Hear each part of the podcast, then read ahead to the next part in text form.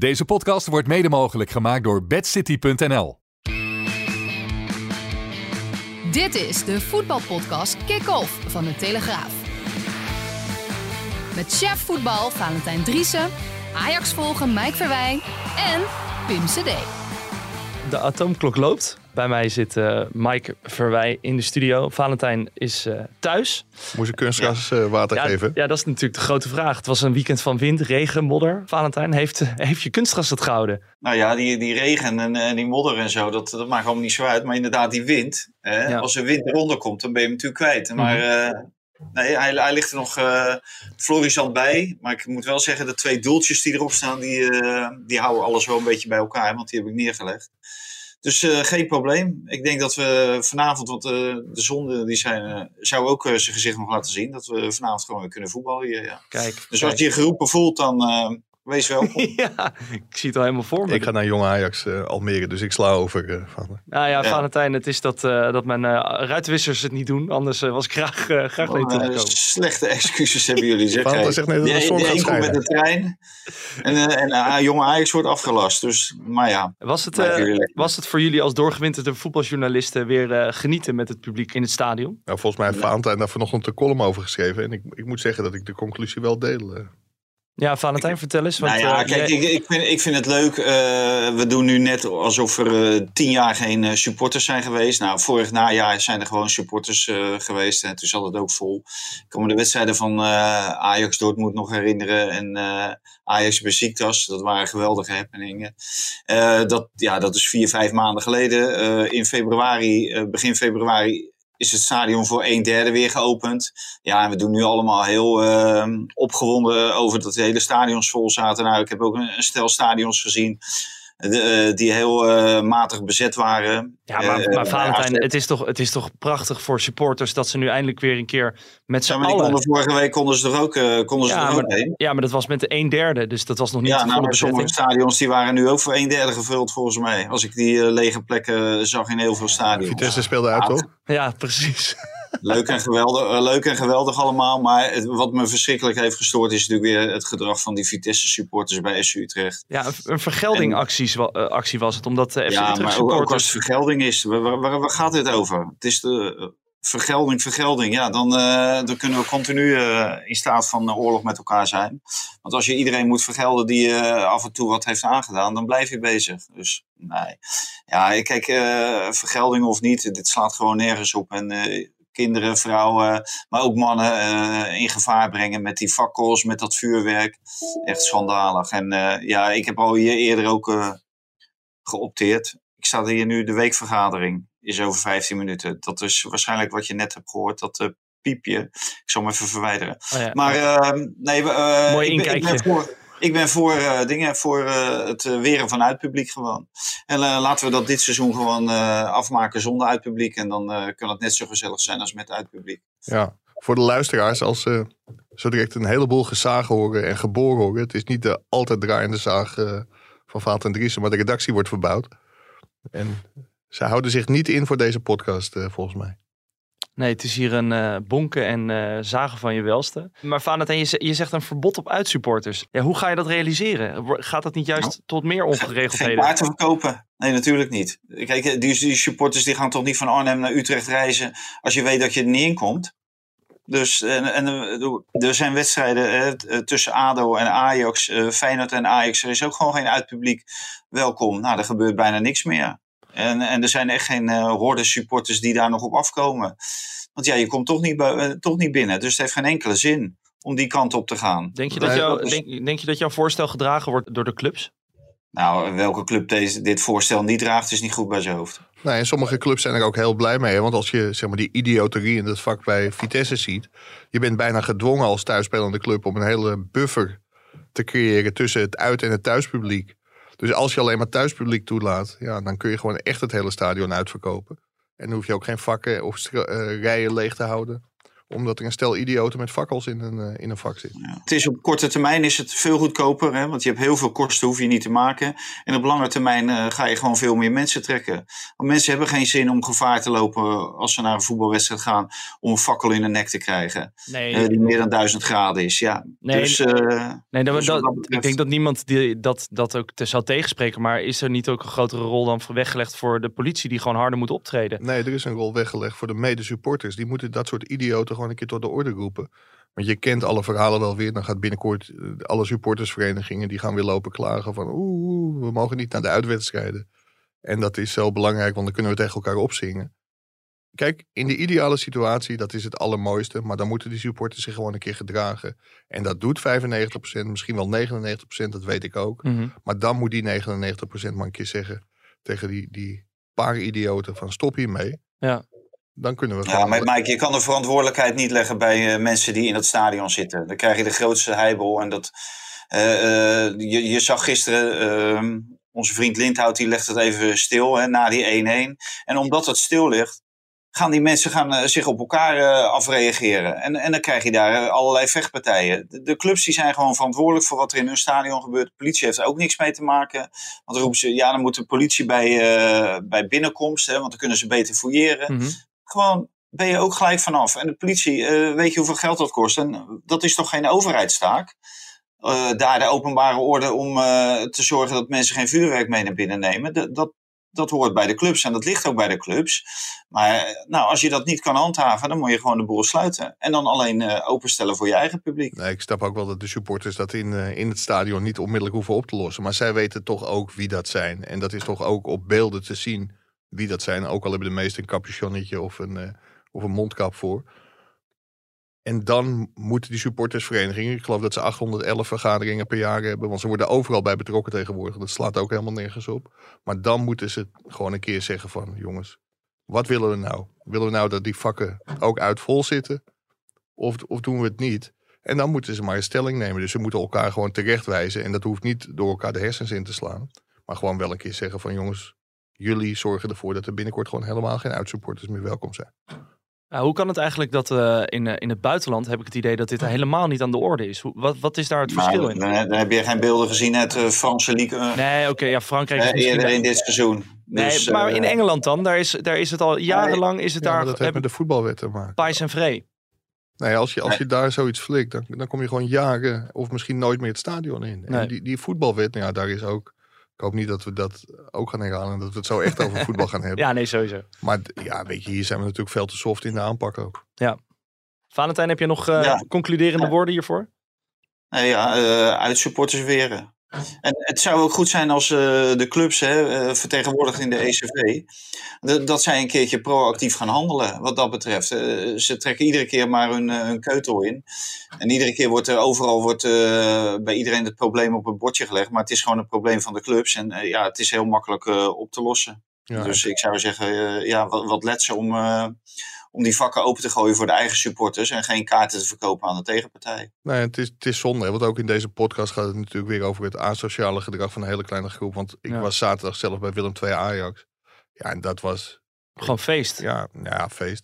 De wedstrijd niet, het, het weer ook niet. Maar dat ja, thuis- en uitsupporters tegen elkaar aan het opzingen waren. En ja, die sfeer was geweldig. Ja. Dus het, het kan ook goed gaan. En in dit geval dan een compliment voor de Ajax-supporters. Want dat was prima. Ja, gedraag je gewoon. Dan, Nee, dan kan het hartstikke leuk zijn. Ja, je ziet dat in eh, bijna alle wedstrijden op één na gaat het goed. Dus eh, Ja, en waar hebben we het over? ja, Ja, er zijn één te veel wijn. Ja, er zijn nee. één te veel. En deze keer is het bij Utrecht Vitesse. En volgende week is het bij eh, Vitesse Nek. En, eh, en die, die week daarna is het bij eh, ja, welke wedstrijd er ook op het programma staat. Het loopt overal wel een keer in, uit, uit de klauw. En eh, je kan niet zeggen van het is één club waar het altijd misgaat. Dan is het heel simpel. Dan zeg je gewoon van die supporters zijn gewoon niet meer welkom. Maar het is iedere keer ergens Ja. anders. Het is ook bij Go Ahead Pack geweest. Dus Cambuur eh, stonden mensen in het stadion. Bij AZ hebben mensen in het stadion gestaan. Nou, ja. Het is NEC, hè? Want anders ben jij ook niet meer welkom, eh, denk ik. Oh ja, ja. kijk nou uit, Ja. Valentijn. Eh, ondertussen loopt de atoomklok eh, hier gewoon rustig verder. Dus eh, Valentijn, het lijkt me een goed moment om naar de stellingen te gaan. Timber verdient een plek in de basis van Oranje. Eens. Eens? Max Huiberts is inderdaad de beste optie voor opvolging Overmars. Oneens. Oneens. Manier van vallen is van belang bij het geven van een strafschop. Eens. Oneens. Nee, oneens natuurlijk. Eh Erik ten Hag wordt volgend jaar coach van Manchester United. Eens. Eens. Deze Nee, zomer, oneens, oneens, oneens. deze zomer verkoopt Feyenoord een speler voor meer dan 20 miljoen. Eh, Oneens. Oneens. En Heerenveen degradeert. Eens. Oneens. Zo, waar wil je als eerste op eh, aanhaken, Mike? Ik denk dat ik het wel weet. Nou, laten we over eh, Erik ten Hag beginnen. ja, dat lijkt me een hele goeie. ja, kijk, al- als Manchester United slim is, dan gaan ze voor Erik ten Hag. Ja. Ik vind dat hij zich steeds meer aan het ontwikkelen is tot een absolute topcoach. Ook hoe je, als je ziet hoe hij nu omgaat met de hele situatie rond Mark Overmars. Ja, en als je in de Champions League... En natuurlijk kun je zeggen van die pool was niet de allersterkste. Dat hebben wij vanaf het begin geroepen. Volgens Erik ten Hag zelf was het ongeveer de zwaarste pool die je kon treffen. Maar dat heeft hij natuurlijk fantastisch gedaan. En hoe hij er elke keer, samen met Overmars, die er nu dus niet meer is, in is geslaagd om steeds weer een nieuwe elftal op te bouwen. Ja, respect. Ja, want uh, opvallend artikel, uh, zojuist uh, geplaatst op onze website. Uh, Manchester United maakt werk van nieuwe manager. Dubbele punt. Erik ten Hag of Pochettino? Um, Ja. waarom, waarom zouden ze dan toch nog Pochettino erbij betrekken, denk ik dan? Nou, Omdat Pochettino, eh, die heeft eh, met eh, Tottenham Hotspur de finale van de Champions League gehaald. Maar die is bekend met het Engelse voetbal. Mhm. En dat is, eh, dat is een, een grote pre voor hem. En zijn contract eh, bij Paris Saint-Germain, dat wordt eh, waarschijnlijk verscheurd. Zo goed als zeker aan het eind van het seizoen. En eh, ja, hij staat er in Engeland staat hij er gewoon uitstekend op. Hij staat er ook uitstekend op bij zijn spelers. Dus je, weet wat je in huis haalt. En met Erik ten Hag, dat is voor de Engelse competitie en voor de Engelse clubs natuurlijk nog een onbeschreven blad. Dus ja, daar zitten, zitten risico's aan. En, en daarom denk ik dat uh, Pochettino nog op pole position legt, ligt. En vandaar dat ik ook zei van, uh, dat ik Ten Hag niet als de nieuwe trainer van Manchester United zie. Ja, er zit ook wel een risico in voor Ten Hag, denk ik. Hè? Als je ziet hoe hij bij FC Utrecht binnenkwam, dat hij gewoon best wel lang tijd nodig om dat elftal, die selectie naar zijn hand te zetten. Ja, bij Ajax is dat niet anders geweest. Daar hebben wij ook heel veel kritiek op gehad. Op een gegeven moment ja, zijn de bepaalde spelers ook met hem gaan praten van trainer, welke kant moeten we nu op? Dus ja, na die 3-0 nederlaag bij PSV, toen stonden gewoon de supporters op de flyover. Dus het is niet alleen maar heel goed geweest bij Ajax. Daar krijgen wij nu heel veel commentaar op van, ja, jullie waren in het begin. Maar dat is omdat voetbal een dagkoers is. Mm -hmm. Je moet beoordelen op het moment. Het is nu heel makkelijk om de Polonaise te lopen. Maar je moet ook wel aangeven wat er in het begin gebeurd is. En of hij die tijd in de Premier League krijgt, dat is natuurlijk wel zeer de vraag. Want daar zul, zul je gelijk moeten presteren. Waarbij wel aangetekend dat ja, het, geld, het geld daar gewoon echt voorhanden is om het elftal op die manier naar je hand te kunnen zetten. Ja, de- dus de er mi- zijn veel meer De mogelijkheden. middelen zijn natuurlijk totaal anders dan, eh, dan bij Ajax. Maar Maar zou... dat geldt natuurlijk ook voor de clubs eromheen. Hè? Daar zijn natuurlijk ook de middelen totaal anders. Bij Liverpool, bij Manchester City, eh, bij Tottenham Hotspur, daar zijn de middelen natuurlijk ook anders. Dus da- daar kom je wel in eenzelfde krachtenveld in principe. Maar wat Mike zegt, ja, hij heeft inderdaad tijd nodig. Maar ik moet aangeven dat eh, Louis Vergaal, die heeft ook alle tijd van de wereld gehad om er wat van te maken bij Manchester United. Dat is uiteindelijk niet gelukt. Ho, ho, FA Cup hè. Ja, ja, na twee jaar. ja. Met allemaal eh, tegenstanders uit het rechte rijtje. Dus, ehm, eh, nee ja, ik, ik denk dat, dat United dan eerder op zeker gaat voor, en kiest voor Pochettino. Ja, ik, ik zou het wel een hele aardige gedachte, het gaat niet gebeuren. Maar waarom zou Ten Hag niet nog tien jaar bij Ajax blijven? Dan ben je gegarandeerd tien jaar, nou ja, niet gegarandeerd. Maar dan heb je de grote kans om tien jaar Champions League te spelen in ieder geval. Met twee Champions League plekken. Rechts, rechtstreeks de Champions League plekken. En je kunt natuurlijk jaren achter elkaar kampioen worden. Ja, maar ja, als je, dan, dan roep je tien jaar, dan denk je ook van tien jaar, poef. Daar zie je al, op, eh, op, zie je al tegenop op het moment dat je het zegt. Dus eh, ja, pro- probeer hem voor eh, twee jaar nog, eh, nog vast te houden, sowieso. En ik kan me voorstellen dat hij ook ambitieus is en dat je in het buitenland wil kijken. Maar zeker in de huidige ontstaande situatie met het vertrek van Overmars, zou ik het wel een heel goed idee vinden als Ajax inderdaad werk maakt om, om Ten Hag gewoon wat langer eh, bij de club te houden. Want ja, wat ik van de week ook zei, anders ben je in één klap, in, in twee, twee, drie maanden, ben je totale technische top ben je kwijt. En ja, ik denk dat dat voor de continuïteit van waar Ajax mee bezig is, dat dat niet goed zal zijn. Voor de hand liggende hoe- vraag Hoe oud ben natuurlijk. jij, eh, Ja. Hoe lang moet jij nog? Ja, nee, ik kan, ik kan niet meer. Ik kan niet meer. Nee, maar over, maar over tien jaar zit jij hier toch ook gewoon nog eh, lekker op eh, vrijdag en maandag een podcast te maken. Nou, dan, dan, dan zul je wel... eh, over de brug moeten komen. moeten ja, komen. ja, Dan precies. zul je wel moeten betalen, ja. Nou ja, goed. Volgens mij, eh, als ik het hier eens rondkijk, de studio wordt afgebroken waar we bij zitten. Dus eh, wat Ja. dat betreft. Oh, we krijgen een nieuwe, hè? We krijgen net als Ten Hag bij United veel betere middelen. Ja, En, precies. Zou, zou Erik ten Hag zelf wel naar Manchester United willen? Er is toch een soort slangenkuil geworden van, eh, van trainers sinds Ferguson daar vertrokken is. Ja, er wordt wel eens gezegd, zolang Ferguson meekijkt, kun je er beter niet naartoe. Want dat, eh, maar ik denk als zo'n club komt, Ja. ja, dat je die kans met beide handen aangrijpt. En ik denk ook dat Erik ten Hag wel een keer in het buitenland wil laten zien wat hij allemaal heeft geleerd en wat hij kan.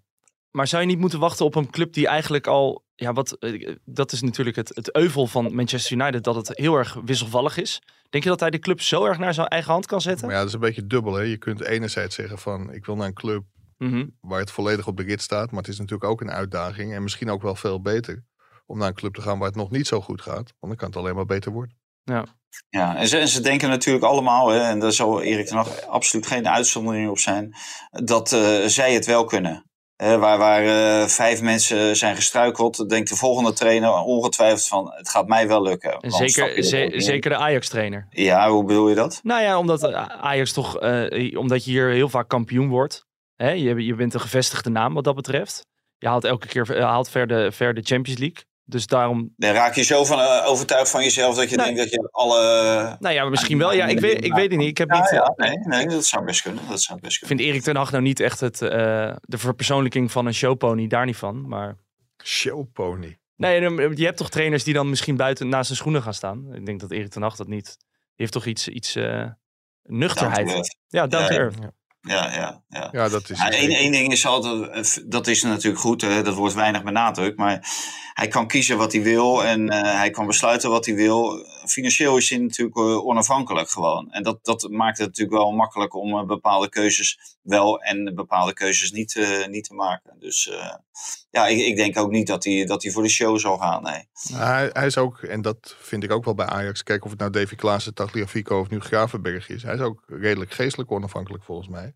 Want hij schroomt absoluut niet om moeilijke beslissingen te nemen. Nee. Nee. Nee, dat blijkt. Ehm, nog een opmerkelijke naam. De technisch directeur van AZ die wordt in één keer gelinkt aan Ajax. Eh, Mike, op Twitter zei je onder andere van hij haat Ajax. Nou ja, dat, eh, hij had een godschuwelijke hekel aan Ajax. En dat laat hij aan alle kanten blijken. Ja. Niet alleen in de onderhandelingen met Ajax of door te roepen dat er geen spelers meer worden verkocht aan, aan Ajax.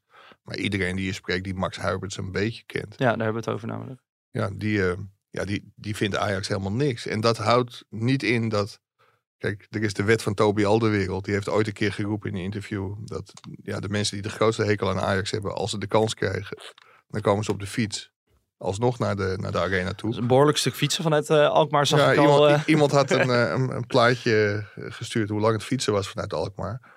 Maar ik, ik denk dat Max Huibert, met, met alle respect voor Huibert zo, want bij, bij AZ doet hij het ook best goed. Maar dat hij echt nog wel stappen moet maken om een topclub als Ajax te kunnen, te kunnen managen. Want ja, daar wordt meer gevraagd dan, eh, dan wat het Europa League niveau en nu zelfs Conference League niveau, niveau van AZ is. hoe zie jij dat, eh, Valentijn? Nou, ik, hoe heet dat, die baan van Mark Overmars, die heeft, eh, die heeft het geweldig ingevuld. Maar het is natuurlijk ook geen hogere wiskunde. Eh, We moeten ook niet eh, doen alsof we hier met rocket science bezig zijn.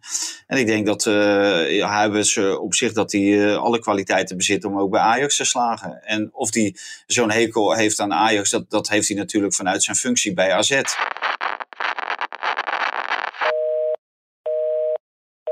As we speak wordt hier uh, ook, uh, het internet wordt hier uh, uit, de, uit de router getrokken. een kabeltje doorgeboord. Of, ja, precies. Dus Valentijn, we waren bij Max Huiberts. Jij zei dat hij vanuit zijn functie Ajax eigenlijk moet haten. Ja, dat, dat hij misschien vanuit zijn functie en zijn... Uh, hij is werknemer van AZ, dat hij...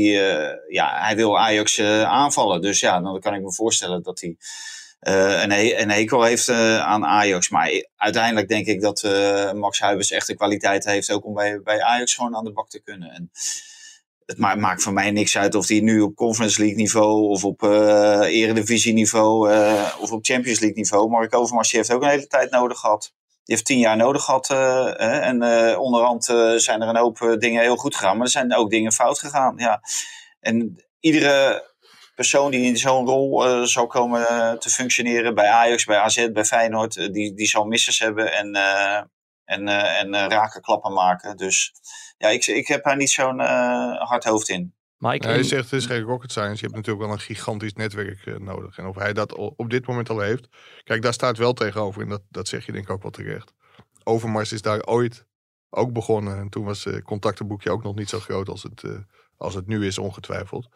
Dus als hij erin stapt, ja, dan moet je hem ook wel de kans geven. Maar ik denk dat hij dan wel even afstand moet nemen van zijn allergie van Ajax. Ja, maar dat heeft hij zelf nooit, nooit zo verklaard. Hè. Wij weten op de achtergrond dat er een beetje zo wordt gedacht in, uh, in Alkmaar. Maar ik, ik denk dat dat geen beletsel uh, zou hoeven te zijn. In wat voor een uh, tijdsbestek? Je moet, je moet gewoon voor de beste gaan. Ja. En, ja. en als Ajax hem de beste vindt, of Ajax vindt Zeedorf de beste, of doorgaan met Den Haag in een bepaalde constructie het beste, of, of iemand anders, ja, dan, dan moet je er gewoon daarvoor gaan. dan moet je niet kijken of, of iemand nou wel of niet ooit heeft gezegd dat hij een hekel heeft aan Ajax. Ja in je, in je leven. Ik heb ook wel eens wat gezegd waar ik achteraf misschien uh, beter mijn mond had kunnen houden. ik uh, doe, niet weten wat. Doe, doe me iets heel vaags, uh, doe me iets op inderdaad. Wat, wat, wel heel opvallend is, en, en ja, daar worden ook allerlei mensen voor ingeschakeld om dat aan te geven. Maar officieel is ook de interesse van Luis Campos bij Ajax kenbaar gemaakt via een Nederlandse zaakwaarnemer. En ja, dat vind ik toch wel heel opvallend. Dat, dat die of ja, eigenlijk is het ook helemaal niet opvallend, eh, bedenk ik nu, dat, dat een club als Ajax zulke mensen aantrekt. Maar die man heeft een verleden bij uh, Real Madrid, Monaco en Lille. En daar heeft hij het natuurlijk ook ontzettend goed gedaan. Dus ja, die zou het heel graag willen doen. Maar ik denk dat je niet voor een buitenlander moet gaan. Ja, is dat uh, inderdaad? Want uh, dan zou je het koppeltje uh, Campos van der Sar krijgen, denk ik. Zou dat, zou dat zomaar werken? Of moet je dan ook nog iemand erbij hebben die ook een beetje de, de voetbaltaal van Campos nou, ik, ik heb in het verleden al een, al een keer gezegd, en dat ging toen over Zeedorf, dat als je ervoor kiest om Zeedorf, en dat was natuurlijk een prikkelende gedachte van, van Valentijn, die gooide die naam erin. Mm Kijk, als je Zeedorf daar neerzet, dan moet je overwegen om daar iemand naast te zetten. Kijk, voor Zeedorf gaan in de wereld alle deuren open. En dat is een heel groot voordeel voor een technisch directeur. Als jij met spelers ook in gesprek gaat, dat is toch de grote Zeedorf. En dat kan helpen om iemand naar jouw club te halen. Maar ik denk wel dat het belangrijk is om daar iemand naast te zetten. Toen hebben we ook geroepen van dat kan een zaakwaarnemer, oud zaakwaarnemer zijn. Ja, vervolgens uh, kreeg ik ook wel appjes van mensen die ik echt tien jaar niet meer had gesproken. Ja, ja dat zei je inderdaad vrijdag die, uh, die die functie wel willen bekleden. Maar ik, ik zou dat nog steeds een hele mooie kandidaat vinden. Ook de naam van, van Patrick Kluivert wordt genoemd. Die is natuurlijk technisch directeur bij Paris Saint-Germain geweest. Hoofdopleidingen bij Barcelona. En dan weet ik allemaal wel dat dat bij Paris Saint-Germain ook zeg maar een soort, ja, hoe noem je dat, functie was om, dat, om alle deuren open te krijgen. Dus dat het echt om de naam van Kluivert ging. Die Arabieren hadden heel veel vertrouwen in hem en daar heeft hij het natuurlijk ook best goed gedaan. Dus ja, die naam wordt ook genoemd. In uh, wat voor ah. tijdsbestek uh, ga, gaat dit nog uh, plaatsvinden? Want het is nu nog redelijk stil. Er worden allerlei namen genoemd. Maar hoe lang gunt Ajax zichzelf de tijd? Ja, er wordt nog niet heel veel haast, haast gemaakt. Ook omdat er op dit moment niet heel erg de noodzaak is om dingen. Kijk, het is geen transferwindow.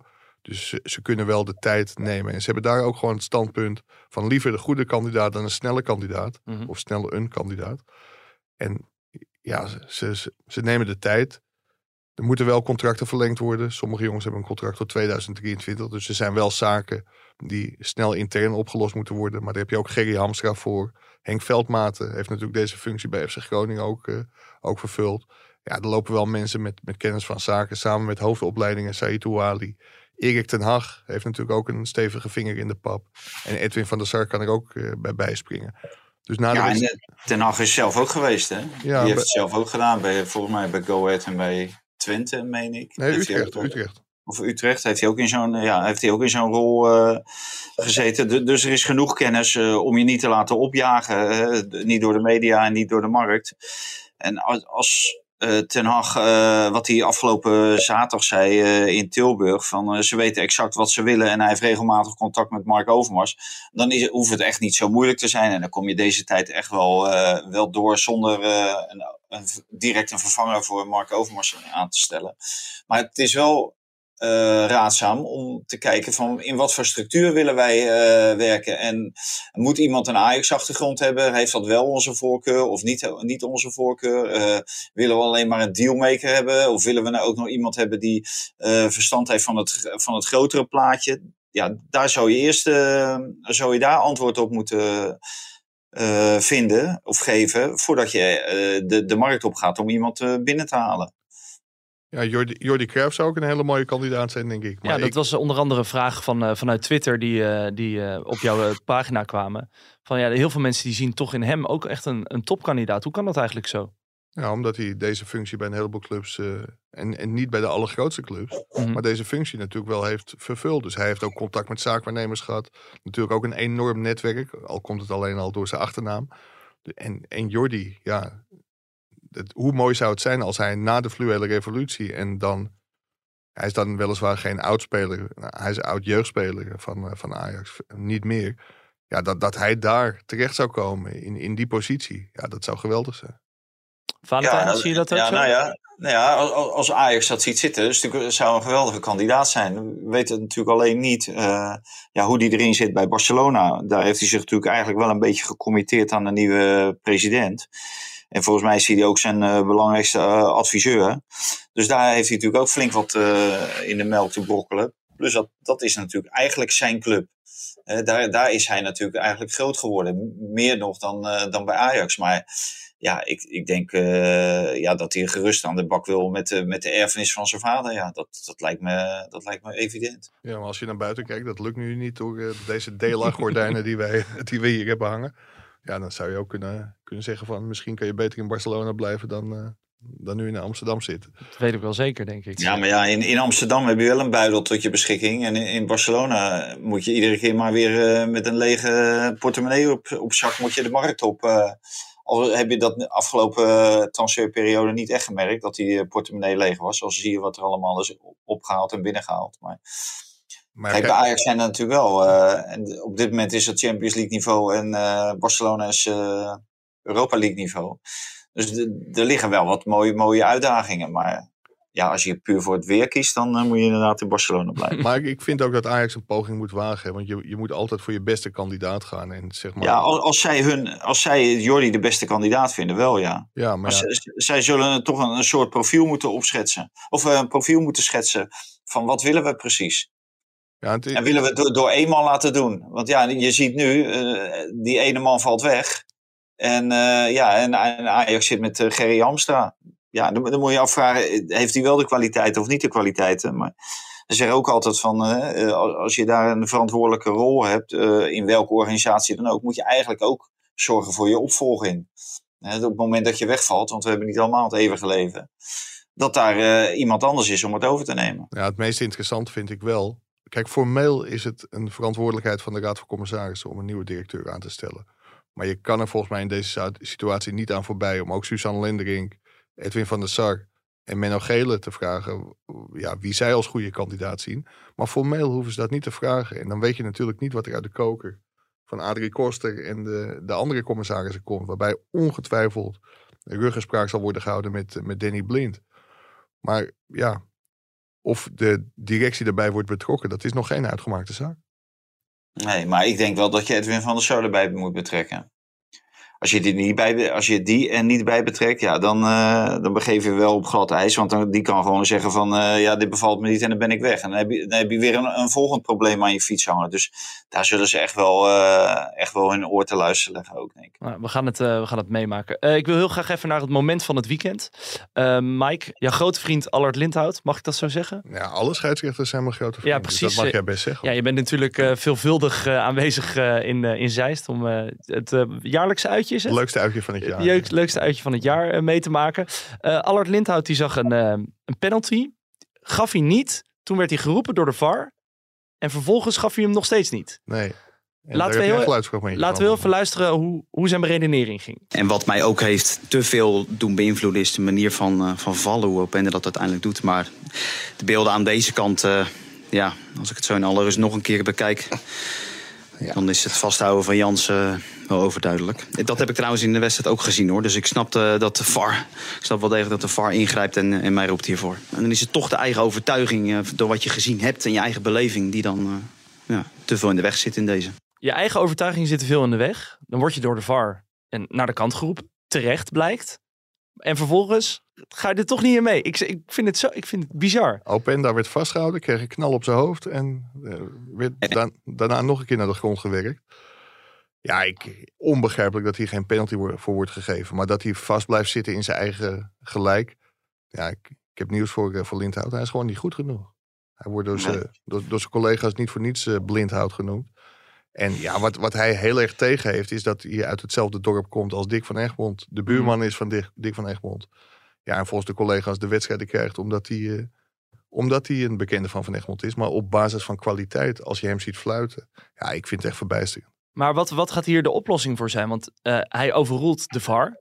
En ja, zo blijven we een beetje in hetzelfde cirkeltje lullen. Heb ik het zeg maar, Stadionverbod. Ja, simpel. Dus uh, geen uitsupporters, geen scheidsrechters. Nou, nee. Ik denk dat ik nee, de kop van de podcast al weet. Stadionverbod voor Lindhout. Ja. Maar, ja, dit, dit, leek natuurlijk helemaal nergens op. En net wat je zegt, dit, wat hij wat nou allemaal weer raaskalt. Ja, dat gaat helemaal nergens over. Dit was toch crystal clear, hè? Dus uh, Zo. Nee, net wat Mike zegt, deze man is gewoon niet uh, voor zijn taak berekend. Het gaat iedere keer mis, hè, als ze bij Utrecht. Want bij Utrecht PSV is het ook al een keer misgegaan. Toen was uh, Van Boekel, Paul van Boekel, want misschien dat het wat met dat stadion te maken heeft. Die, wat riep hij ook weer, Mike, toen? Die Paul van Mindfuck. Boekel? Mindfuck of zo, hè? Ja. Nou ja, ja dit, uh, daar probeert uh, al het linthout nog een uh, schepje bovenop te doen. Ja, maar waar iedereen naar voorbij gaat. Kijk, die, rode kaart die wordt gegeven aan Vitesse. wegens die overtreding op Mike van der Hoorn. Ja, in de spelregel staat dat de elleboog als wapen moet worden gebruikt. En het, het was een heel ongelukkige actie. En ik kan me wel voorstellen dat hij rood geeft. Maar daar vinden ook heel veel van zijn collega's dat dit absoluut geen rode kaart was. Sterker nog, als je die internationaal geeft, dat je op het strafbankje moet komen zitten bij de UEFA. En dat is wel iets dat ik denk van ja, deze man wordt echt door Dick van Egmond ook gewoon nog international gemaakt. Terwijl hij keer op keer laat zien dat hij het echt gewoon niet aan kan. Nee, dus uh, nou ja, duidelijk ja, stadionverbod. Afserveren. Afweren. Weg ermee. Afserveren. Afserveren. Afserveren. Afserveren. Excuus. Um, even door naar uh, PSV. Best wel. Ik was wel blij hoor dat hm? Vitesse toch nog, hè, ondanks dat uh, publiek, hè, dat uh, waanzinnig publiek, maar voor die spelers was ik wel blij dat ze uiteindelijk nog op 1-1 kwamen. Want als je zag wat die voor energie in die wedstrijd staken en, en dominant ze waren met 10 tegen 11. 10 tegen 12, hè? Hè? 10 tegen 12. Ja, ja, dan moeten ze bij Utrecht zich echt, echt diep schamen. En, uh, en die, al die wissels weer en zo. En ja, er valt best wel een plausibele verklaring voor iedere wissel te geven. Maar het, het werkt natuurlijk allemaal uh, niet uh, mee aan een ingespeeld geheel. Nou ja, maar een ingespeeld geheel, dat, dat komt bijna niet op het veld. jongens, jongens. Dit, dit, gaat, dit, dit lijkt toch helemaal nergens op, man. Nou, ze worden wel fluitend, uh, eindigen ze gewoon op een play-off plaats. Maar dat, dat ligt niet zozeer aan SU terug, maar nog meer aan de zwakte van andere wedstrijden. Of andere ploegen. Want ja, ik, ik heb echt bijzonder veel wedstrijden eigenlijk gezien. Ik heb NEC RKC gezien. Nou, werkelijk tempootje nul. NEC, Zelfs mijn vrouw die, die zei van, hè? Is dit betaald voetbal? Want die had even daarvoor dat ze Ajax Willem II zitten kijken. Nou, Real Madrid kwam nog langs, maar, maar dit bleek echt helemaal nergens op. Wie hadden we nou nog meer? Wie hadden we nog meer? Uh, Go Ahead 20 of Twente Go Ahead. Er ging ook van alles en nog wat fout. Dat leek ook gewoon echt helemaal niet op voetbal. Maar je hoeft het niet te kijken, hè, Valentijn? Ja, nou ja, maar er moet toch allemaal, allemaal van die stukjes in de krant komen. ja. Maar dus, voor de rest heb je wel een leuk weekend gehad. Ja, ja, precies. Ja, en heb ik ook weer Pek Groningen. Nou, ja, nou oké, maar Valentijn, laten we het dan even... Laten we, waar, heb je, waar heb je wel van genoten? Waar ik wel van genoten heb? Ja, van uh, Timber. Daar heb ik van genoten. Ja, ja want... Wel van Timber. Daar heb ik echt van genoten. En, en, van, uh, en van de velden en zo. Dat we eindelijk weer een keertje die ouderwetse natte glijvelden hadden. Die modderpool. En, uh, dus daar genoot ik wel van. Hè. Dat we eindelijk uh, weer wat wedstrijdjes van pre... wat hebben ze tegenwoordig? drainage en allerlei systemen en weet ik wat ze allemaal hebben tegenwoordig. Hotsen klotsen voetbal zag ik ja, voorbij dat, komen. dat was het, ja. Dus eh, dat was wel, op zich was dat wel eh, genieten geblazen. Hey, maar eh, van het voetbal, nee, Timber heb ik wel van genoten. ja, dan Timber, Timber die begint nu wel bezig te zijn met een aardige opmars. Kan je hem al eigenlijk vergelijken met de kwaliteiten van de licht van een paar jaar terug? Nou, we hebben het over Jurgen Timber. Want het van het veld halen van Quinten Timber, dat was ook niet René Haken zijn beste, nee. zijn beste keuze volgens mij. Maar Nee. dat, dat ook even terzijde. Ja, Jurgen Timber. Je zou bijna als buitenlandse club moeten overwegen om niet Martinez te halen, maar gewoon Martinez en Timber. Ja, ik vind het ontzettend knap wat, eh, wat Timber doet. Ik haal altijd... Maar, Mike, dit was Willem II. Hè? Kijk, ik, ik vind ook dat hij goed speelde en zo. Maar dadelijk eh, worden ze afgerekend in de Champions League. Ik, Ja. ik ben benieuwd, eh, fysiek, hè, want ze zijn natuurlijk eh, allebei eh, twee turf hoog. Of dat eh, wel of geen probleem gaat worden. Daar ben ik echt wel razend benieuwd naar. eh, of, of ze zich dan ook eh, staande weten te houden. Maar eh, tot dusver doen ze het inderdaad eh, ja, meer dan voortreffelijk. En ja, begin eh, niet over eh, Matthijs de Ligt, want dan heb je Kea Molenaar in je, in je nek hangen. Gelijk. Want ja, dat is de schoonvader van Matthijs de Ligt. En eh, geen kritisch woord over Matthijs. Maar ik moet zeggen, ja, ik vind Timmer een geweldige speler gewoon. Echt. Ik, ik, ik kan eigenlijk bijna van alles wat hij doet, kan ik genieten. Alleen, was dat bij Feyenoord? Had hij een, een raar balletje? Slippertje, ja. Ja, dus, dus nou ja, dit, maar ja, als je één slippertje in vijf, zes wedstrijden voor een jongen van eh 19, 20, ja, ja dat, dat hoort er wel een beetje bij. Maar eh, de man die beheerst werkelijk alles. Maar is het echt basiskwaliteit oranje? Want dat zei je net. Eh, Ja, tuurlijk. Tuurlijk is de basiskwaliteit Is, oranje. is dat niet eh, raar om te zeggen met Van Dijk, De Vrij, De Licht? Allemaal eh, jongens die eh, ja, eigenlijk week in week uit tegen toppers spelen. En ja, nou ja, dat, dat, dat, dat, is de, de, de grote vraag. En eh, tot dusver in de Champions League heeft hij het heel goed gedaan. Maar dat was eh, eh, Dortmund, Besiktas. ehm wie hadden we nog meer? Eh, Sporting Lissabon. Ja, en die, en die bronken allemaal niet echt uit natuurlijk. Dus Misschien is het een idee van Valentijn dat Louis van Gaal met vijf verdedigers gaat, gaat spelen. Ja, als je Timber erbij hebt, dan heb je, die- heb je die aan vier genoeg, toch? Dan heb je Ja. de Vrij, De Licht, Timber en eh, Van Dijk. Dan nou, heb je daar vier genoeg. ik, eh, ik eh, teken het Ja, op, eh, Valentijn. Wat, wat ik altijd heel mooi vind bij eh, Timber, en dat is toch wel een bijzonderheid. Vorig seizoen één minuut gespeeld in de Champions League. Toen viel hij in en gelijk weer uit. Dus zeg maar, zijn echte vuurdoop was Sporting Lissabon uit. En dan hoop je een beetje geholpen te worden door je medespelers en door de omstandigheden. En toen gaf echt Lisandro Martinez na 20 seconden een bal veel te hard en veel te hoog, ongeveer op zijn scheenbeen. En als je dan ziet hoe hij de rust bewaart, gewoon een lichaamsschijnbeweging maakt, alle aanvallen van Sporting gewoon even in de wind zet. En gewoon totaal niet zenuwachtig is te krijgen. Ik ben het eens met Valentijn dat zijn lengte, ja, dat zal moeten blijken of dat een probleem gaat worden in de toekomst. Maar de rust die hij bewaart. En wat je binnen Ajax heel erg hoort, is dat hij enorm profiteert van Martinez na zich en Alvarez voor zich. Want hij had toch in de jeugd wel een beetje de mentaliteit, ik doe het wel. En, maar als hij nu één seconde verslapt, met een aantal eh, Latino's om je heen, ja, dan word je verbaal geslacht. Dan- Grinta. ja, nou ja, precies. Maar dan wordt hij wel even hardhandig eh, bij de les geroepen. Ja. En, en ja, daar, ja, daar heeft zo'n jongen, jongen gewoon heel veel, heel veel baat bij. Ja, ik ben eh, benieuwd eh, wa- wat voor stappen die de komende tijd gaat zetten. Ik wil toch nog heel mooi, even... hè, Grinta, hè? Ja, Nee. ik, eh, ik kan er wel van genieten. Jij, jij, jij bent, Oh. jij bent wel een beetje een romanticus, hè? Jij gelooft een beetje allemaal in dat soort... eh, Nou ja, onzin, ik, ik heb het ook weer in het, Grinta stadion, in, het, in het stadion gezien. Ik zag een eh, Colombiaanse vleugelspeler de bal eh, soeverein erin schieten. Eh, ik opperde de stelling eh Kukcu of eh, Sinistera. Die, dat zijn wel de spelers waar het eh, veel bij Feyenoord om gaat. Maar ik wilde Ga nog niet- wat over, eh, over Timber zeggen. Mag Oh nee, of ja, niet? tuurlijk. Mike, Ja, ga je dat, gang. dat- dat, dat vind ik wel mooi. Dat het dus ook een jongen is die, en dat gaf hij na afloop tijdens de persconferentie ook aan, dat hij dan toch de verantwoordelijkheid voelt van, jezus, we moeten deze wedstrijd toch over de streep gaan trekken. Dan ziet hij vlak daarvoor, na het vertrek van Klaassen, die werd eruit gehaald, dat er bij een voorzet van Tadic niemand bij de tweede paal stond. En dan heeft hij toch het gochme van, nou, bij de eerstvolgende voorzet, ook een beetje geholpen door Martinez, die zei van, hup, tweede paal. Ja, dan duikt hij daarop. En dat hij dan de winnende goal scoort. Dat is voor- zo'n jonge jongen natuurlijk wel heel erg leuk. Met welke ledematen deed hij dat eh, Met zijn buik. Met zijn buik, Ja. oké. dus het is nog, Onbetaalbare het buikspieren. is nog niet eh, de, de, de piemel van God of zo. Nee, daar werd Deze- wel over De? De piemel van God. De piemel van God. Ja, net zoals het handje van God. Ja, ja, ja, ja. Jij zoekt ook een eh, kop over die podcast zo, oké? Ja, maar de, de uitspraken van de presentator die gaan nooit boven de, boven de podcast, hoor. Nee, nee, nee. Dat moet je ook zeker niet doen. Dat moet je ook zeker niet doen. Ik Maar wil, jij begon over eh Sinistera. Ja, en, eh en Kukcu, dat zijn nu spelers waarvan, waar behoorlijke bedragen aan worden eh, gehangen. Vind je dat terecht? Ja, maar kijk, dat, dat is allemaal spel, man. Die, eh, dat zijn zaakwaarnemers, dat zijn clubs die hangen dat soort bedragen. nou, die gebruiken daar bevriende media voor. Zeggen, ja, hij is nu al 20, 25 miljoen waard. Eh, hoe heet het, Sinistera, geweldige goal hoor. De beste speler van Feyenoord, eh, creatief, eh, is op Nederlands niveau. Zit niet eens bij Colombia, speelt daar niet. Dus ja, la- laat hem eerst een vaste waarde zijn van, voor het elftal van Colombia naar het WK gaan. En dan kan je aan bedragen van plus 15 miljoen. Maar anders, ja, dan, denk ik niet dat ze dat soort bedragen of meer eh, dan eh 15 miljoen eh, voor hem op tafel leggen. Maar dat deze jongen Of, uitzond... of er gewoon bij, hè? want ja, 15 miljoen voor sommige clubs is dat eh, een zakgeld. Dus dan is het eh, voor de bij. Maar nee, la- la- laat hem eh, voor een wat langere periode op een hoger niveau eh, wat laten zien. Maar dat deze jongen uitzonderlijke kwaliteit heeft, dat zag je wel natuurlijk. Kijk, ik bedoel, het is wel leuk dat Kuxu die, eh, de assist op zijn naam kreeg, want die bal is natuurlijk veel te hard. Ja. Ja, Die- ja. Maar die aanname en ja. Die afronding was natuurlijk weergaloos. En Ja. Ja, ja, goal. ja, en hij stond zwaar onder druk tijdens die aanname. En eh, er werd heel, heel veel druk op de bal gegeven toen hij schoot.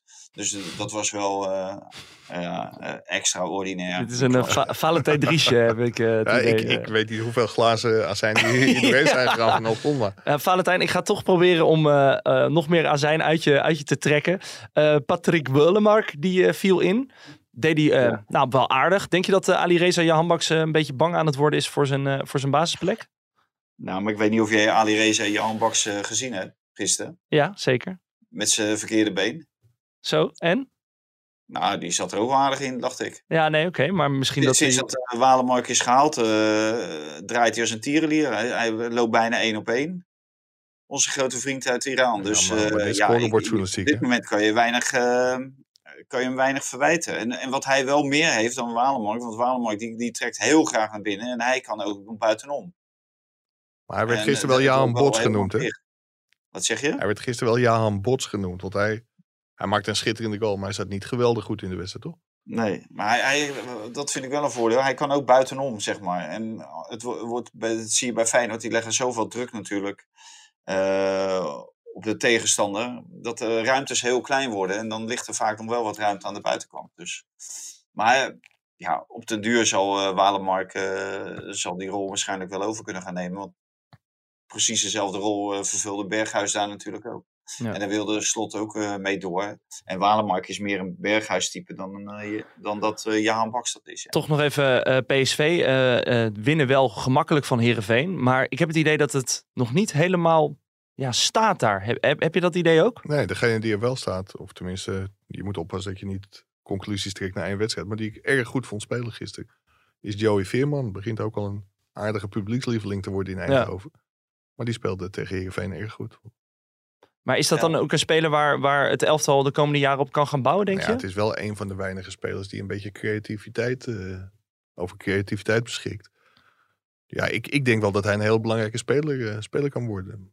Maar dat het. Ja, en hm? ik, ik kan me wel wat voorstellen wat hij zegt. Want dan, dan zie je Mauro Junior zie je als rechtsback. Dat, dat geeft natuurlijk al niet het gevoel dat je naar een, een vaste formatie zit te kijken. He, die, die jongen die wordt overal uh, gebruikt.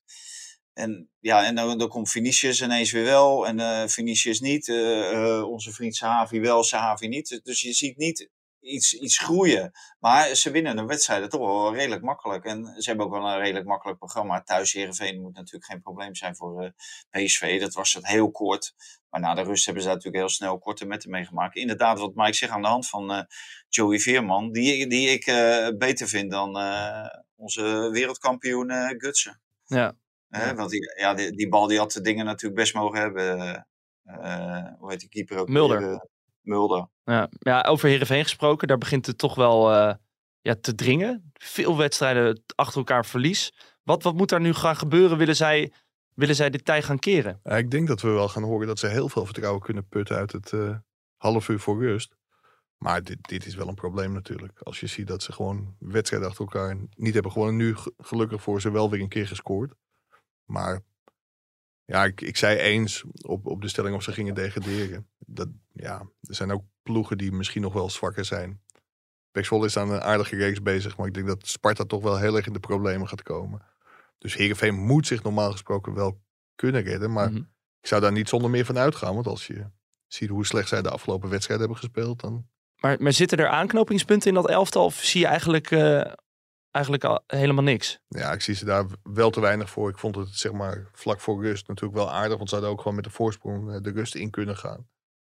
Maar dat zijn vaak ook wedstrijden waar spelers zich even beter voor kunnen opladen dan, eh, dan een gemiddelde wedstrijd in de Eredivisie. Ja, ik, ik vind het echt een heel matig elftal. Maar dat zijn er wel meer in de Eredivisie. Zeker. Ja, daarom. En ik, eh, ik heb even gekeken naar de stand. Eh, ja, en zij hebben 25 punten. Dat is toch wel aardig wat. En ze krijgen natuurlijk ook wel wat eh, concurrenten eh, die eh, in Heerenveen ook nog spelen. Volgens mij Willem II krijgen ze ook nog. eh. dus ze krijgen ook wel wat, wat clubs die nog in de buurt bij hun zitten. Dus ja, twee, drie wedstrijdjes winnen in, in de resterende 11, 12. eh, dan, ja, dan, dan ben je er. Dus dat, dat moet, op zich moet dat toch wel mogelijk zijn, denk ik. Ja, ik denk Dus dat, ik, zie, ik zie ze niet, niet degraderen. En wat. Mike zegt, er, er spelen ook te veel zwakkere die nog daaronder. Hè. Sparta stelt op dit moment ook eh, zwaar teleur natuurlijk. Nou, eh, Zwolle, die resultaten zijn aardig, maar het voetbal, dat houdt ook niet op. Dat heb ik gisteren dan ook alweer even... even, even Daar heb je van genoten, natuurlijk, ja, vanuit ja. huis. Ja. Ehm, maar wel mooi, jongens. Jullie eh, zijn eh, woensdag. Gaan, jullie morgen naar Portugal toe? We vliegen dinsdagmiddag, ja. Jullie gaan eh, de zon tegemoet, 20 graden. Ik heb het even voor jullie opgezocht. 22 dinsdag en Zo. woensdag 20 inderdaad. Ja. Ehm, ik ben toch benieuwd. Gaan voor het werk, hè? Ja, jullie gaan voor het wet, dat zou ik Ja. ook zeggen. Als En de vitamine D ook. ja, precies. Jullie, eh, jullie spugen er niet in, zeggen ze dan toch altijd? Nee, In zo'n reisje. nee, dat is alcohol, maar Ah, dat, eh dat spugen we wel in. Ik ben wel benieuwd. Denk je dat eh, na dit weekend eh, Ajax Willem 2 dat dat middenveld nog ter discussie staat? Of het Klaas of Gravenberg wordt, eh, Mike? Nee, dat denk ik niet. Willem 2 Ajax, eh, even voor de goede orde. Maar ik denk dat Gravenberg eh, op dit moment even kind van de rekening is. Omdat het ja, natuurlijk best wel goed ging. eh, de wedstrijden voor Willem 2. Ik vond het tegen Willem 2 wel wat, wat minder. Hoewel Ajax nog genoeg kansen kreeg om die wedstrijd veel eerder te beslissen. Maar Gravenberg zal aan de bak moeten om zijn zijn basisplek weer terug te krijgen. Dan vind ik wel dat je internationaal misschien wel moet overwegen om hem daar neer te zetten. Omdat het anders wel heel veel voetbal is in je Benfica met de omschakeling toch wel in de kaart speelt. Maar ik, ik vermoed dat hij gewoon voor het, eh, voor het middenveld kiest waar hij ook in Tilburg voor koos. Ja, denk ik ook. Denk ook. ja. Er is weinig reden om, eh, om van die eh, keuze af te stappen. Ja, Kijk, als Gravenberg eh, drie maakt tegen Willem II, ja, dan is het een ander verhaal. maar dat is dezelfde Dus- retoriek van eh, als mijn moeder twee wielen had, dan, had ik- dan was het de fiets. Ja. Als je moeder twee wielen had, Ja, zo zeggen ze dat toch? Of als, mijn, als mijn broer mijn oom was. Nee, wat is het nou? Nou, nee.